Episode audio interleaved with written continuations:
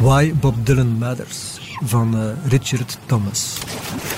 Wel, het boek gaat over Bob Dylan, maar uh, niet op de manier waarop je zou uh, verwachten. Richard Thomas is namelijk professor klassieke talen aan Harvard. En hij legt uit hoe Bob Dylan zijn, zijn muziek en zijn teksten vooral niet alleen heeft gedrenkt in de traditie van de Amerikaanse blues en folk, maar ook in die van de klassieke teksten, de, de, de Romeinse en Griekse teksten.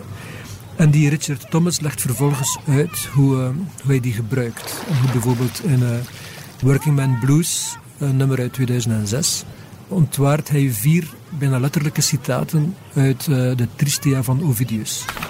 Het is een goed boek omdat het een als, als Dylan-fan, en dat, dat ben ik, is het altijd leuk om iemand te lezen die met veel kennis van zaken over die, die teksten schrijft. Maar het is goed omdat hij het zeer gedegen doet, zeer grondig. Hij, legt echt teksten naast elkaar. Hij legt ook zeer grondig uit wat verschil is tussen je funderen op een traditie en het gewoon pikken. Hoe moeilijk dat is en, waarom dat belangrijk is om dat te doen. Um, en hij, hij benadert plots Bob vanuit een hoek die je, die je niet verwacht. Bob Dylan's Blonde on Blonde was one of two albums I packed in the trunk I sent from New Zealand to Ann Arbor, Michigan in the early summer of 1947.